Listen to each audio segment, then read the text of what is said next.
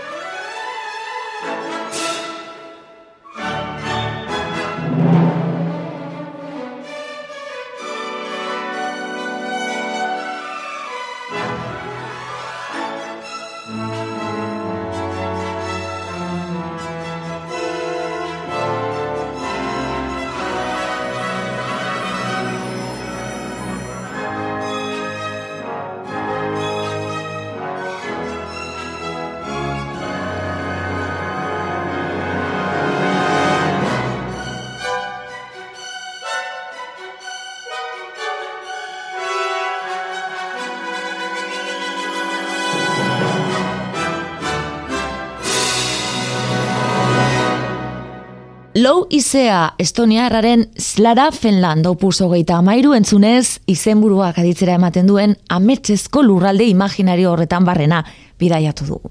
Hakan Hardenberger trompetista suediarraren eta Thomas Dausgaard zuzendaritan imarkarrak idaturiko Helsingboriko Orkestra Sinfonikoari esker. Klasikoak eite ben. Fandango doinuz jarraituko dugu. Enrique Soliniz eta Euskal Barrok ensambolekin batera perkusioan maixu handi bat. David Rodríguez Jiménez Txupete. Urruzka fandangoa.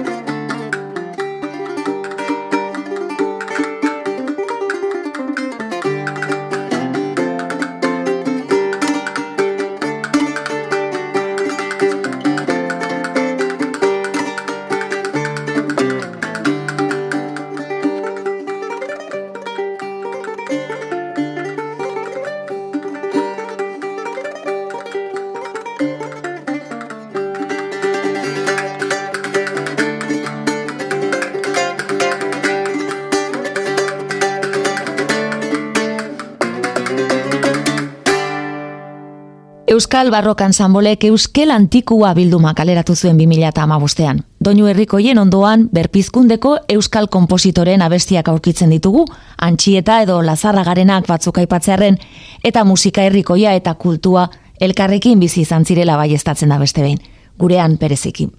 Enrique Solinisen taldeak, Michel Etxekopar, Xavier Leturia eta Leire Berasaluzea eta alabak, eta beste askoren partaidetza izan zuen bertan. Lan bikain honetan kolaboratzen dute baita ere, Rami Alkai biola gambistak, edota entzun berri dugun urruzka fandangoan David Txupete perkusionistak. Klasikoak EITB-en. Ruggero Lonkabaloren matinata entzungo dugu orain. Enrico Caruso handiari eskenia arka bestu zuen lehenengoz mila bederatzireun eta lauean, eta gure garaiko tenore handi baten agotzean entzungo dugu gaur. Hau duzue Juan Diego Florezen matinata.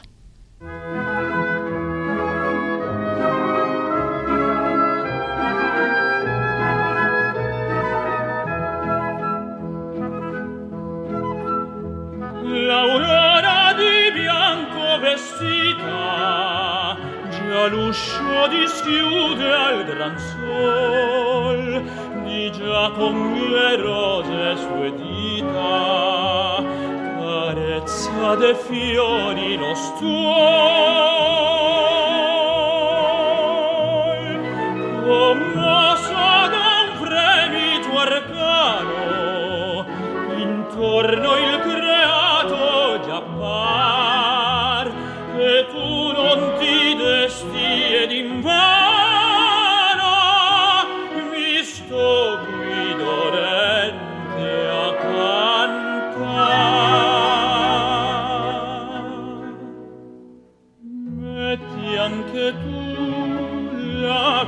bianca e schiudi l'uscio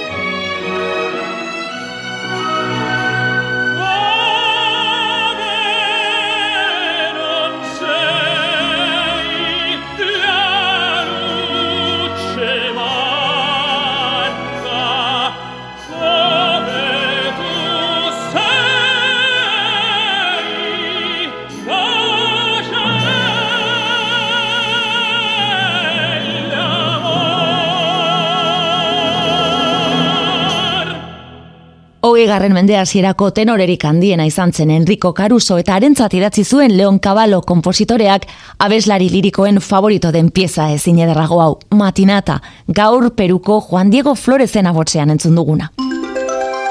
Klasikoak EITB Leon Caballo kompositorea operan berismo izenez ezagutzen den korrontearen adierazgarri nagusia da, emeretzigarren mende amaieran eman zen. Eta matinata zoragarri horren ondoren, amarkada batzuk atzeratuz klasizismo gara joko dugu. Aurrerago jaidenen biolin kontzertu eder bat entzungo dugu, Elena Bajala, biolinista finlandiararen eskutik, baina ezer baino lehen, Alemaniako klarinete bakarlari handi bat gogoratuko dugu, Dita Klöka zena.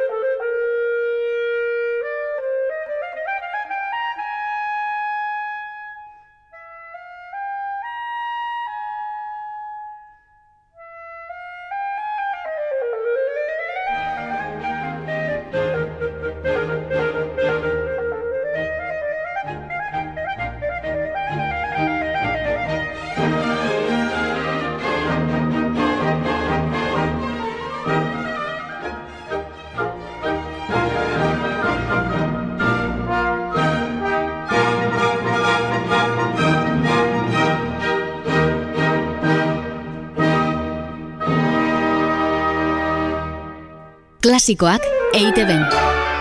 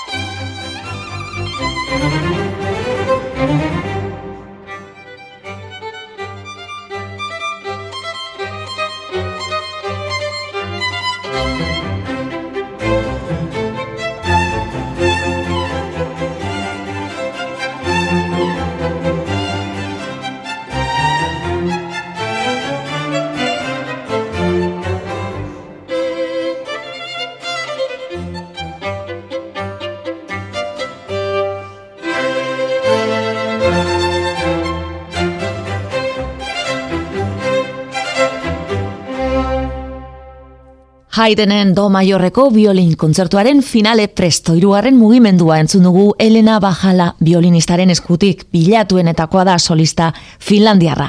Eta horren aurretik Alemaniako Karl Andreas Gepfert klarinetista virtuosoaren amalaugarren opusa mi bemol maiorreko klarinete kontzertua Dita Klöke Alemaniarraren emanaldian. Rondo alegro irugarren mugimenduan gogoratu dugu klarinetistarik handienetakoa izan zena. Klasikoak Eidewenne.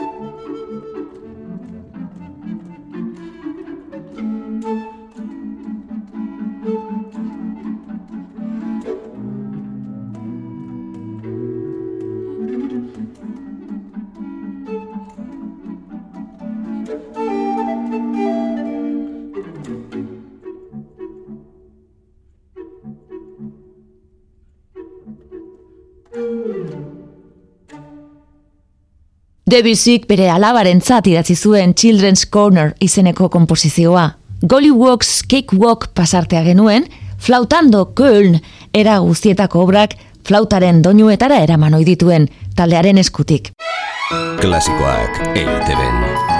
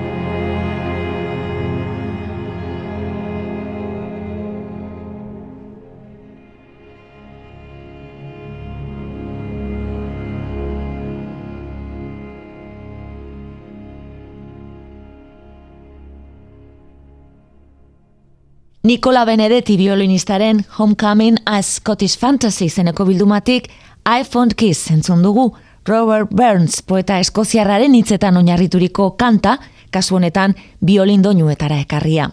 Eta orain, Le Plaisir de Leche, gozamena itzeziz eta bestela ere bai. Bibaldiren laugurtaro ospetsuetan oinarriturik, Nikola Xedevil frantziarrak egindako transkripzioarekin Paleirean Ensemble. Egun Paleirean du izena punta-puntako laukoteak aldaketaren batzuk izan zituzten eta hortik deitura aldaketa.